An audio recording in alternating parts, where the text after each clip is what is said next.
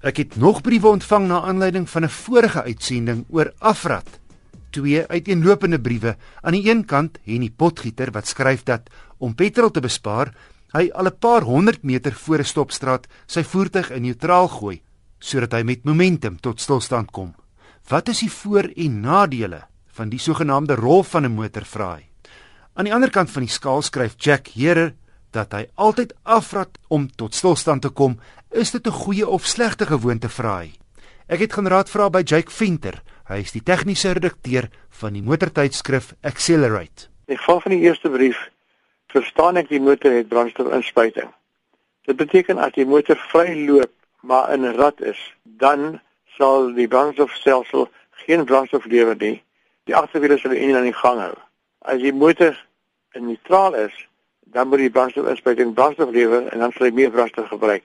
Indien dit 'n ouer motor is met 'n vergaser, werk dit weer andersom. Die vergaser sal uh, meer van 'n mengsel kry as die enjin in rad is en minder mengsel kry as die enjin in neutraal is. So om brandstof te spaar as jy brandstofinspuiting het, dan moet jy maar die ding in rad hou, die enjin in rad hou. In geval van vergaser moet jy uit rad uithaal. Ek vra vir die tweede luisteraar, die hele idee van afrad kom al 'n lang pad in die ou dae voor die Tweede Wêreldoorlog het meeste motors nie besonder goeie remme gehad nie en dit was 'n manier om die remme te spaar. Deesdae is dit nie nodig nie want moderne remme is baie beter as destydse remme en die remme is so goedkoop om te herstel as 'n enjin, so dis beter om nie af te rad nie. Die uitsondering is in geval van swaar vragmotors. Swaar vragmotors se massa is so groot in verhouding met sy remme dat sy remme nie so goed is as 'n motor se nie. Met ander woorde word baie gou warm byvoorbeeld teen 'n afdraande en dan moet 'n mens in 'n laer daar afgaan voordat jy die, die ding stop om jy moet spaar. Jake dan skryf Andries Houg van Reebok. Ek besit 'n 2007 Toyota Prado diesel 3 liter met die KZ engine. Die voertuig se waarborg het reeds verval en ek lees op die internet van 'n brandstofbesparende toestel wat ek kan installeer en dan gee Andries die naam van die produk maar ons gaan dit eerder nie op die lig gee nie. En hy wil weet of dit aanbeveel kan word. Die probleem met al die toestelle is dat wat gewoonlik gebeur as 'n persoon so iets uitdink. Die eerste instansie wat hy na toe gaan is die motorvervaardiger. Dan sê die motorvervaardiger vir hom sê man ons het dit al klaar getoets 'n paar jaar gelede of ons sal dit toets en dit of ons kan sien in die teorie dit gaan nie werk nie. En dan verloor die vervaardiger belang en dan gaan die man en hy probeer met 'n verkoop aan die publiek. Dit beteken dan in die algemeen dat die ding nie veel beteken nie en gevolglik kan mens nie so iets aanbeveel tensy 'n vervaardiger dit gebruik in een van sy nuwe voertuie nie. Dan is daar ook die hele kwessie van die langtermyn betroubaarheid van die engine sou so 'n toestel gebruik word. Ja, feitelik alle moderne engines word getoets vir 'n paar miljoen kilometer in motors en ook vir uh, minstens 1000 uur op 'n dinamometer ten volle belasting om seker te maak dat daar nie enkele komponent is wat nie lank gaan hou nie. En dit geld ook vir enige iets wat jy in brandstof gooi of enige ander ding wat jy kan gebruik. En tensy die verkoper daai selfse van toetse gedoen het, wat mense vir die uh, kaartjies dit gebruik. So antwoord Jake Venter, die tegniese redakteur van Accelerate. Briewe met motornavraag kan aan my gerig word deur te skryf na wissel@rsg.co.za. Om sy 30ste bestaanjaar te vier, is 'n spesiale Mitsubishi Pajero te koop, die Legend. En as daar al ooit 'n wa was wat my lus gemaak het vir kampeer, die Bosveld of die wye vlaktes invaar, is dit die een. So wat kry jy alles ekstra op hierdie spesiale model? Wel die lys is lank en hier is die hoogtepunte.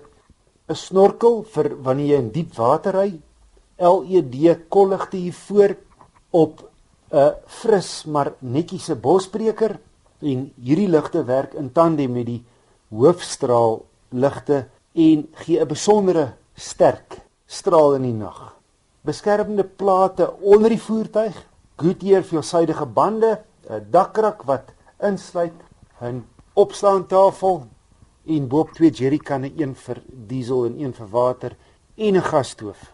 Boonop en is baie netjies langs die dakrak vasgemaak is hier 'n veldry domkrag en 'n graaf. En hierdie dakrak strek omtrent oor die hele dakgedeelte. So hier is ook plek vir 'n tent of uh, wat ook al.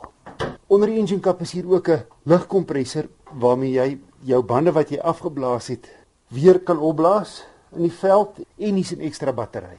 Rolstawe onder om die voertuig teen klippe te beskerm en jy kry 'n sleepstang.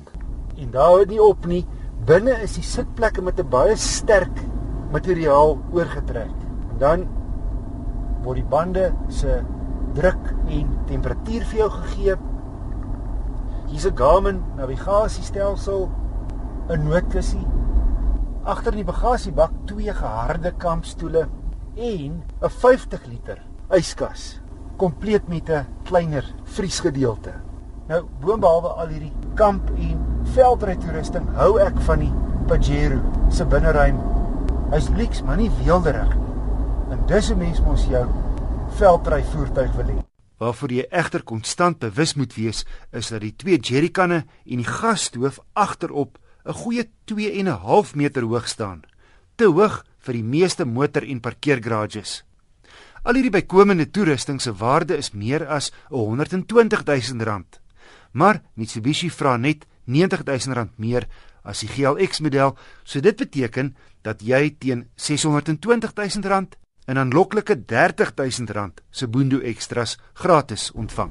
Met al die kamptoerusting is hy swaarder as die gewone model. Maar die 3.2 turbo diesel verskaf genoeg krag danksy die 441 Newtonmeter wringkrag beskikbaar. Met 'n laastrekradkas, unie sentrale en agterste ewenaars kan sluit. Alles elektronies, boonop kan die skakeling na vierwielaandrywing gemaak word op tot 100 km/h. Elektroniese stabiliteits- en traksiebeheer kom ook standaard. Die grondvryhoogte is 'n heel respekteerbare 235 mm. Nee, kyk hierdie Mitsubishi Pajero Legend is elke avonturier se droom.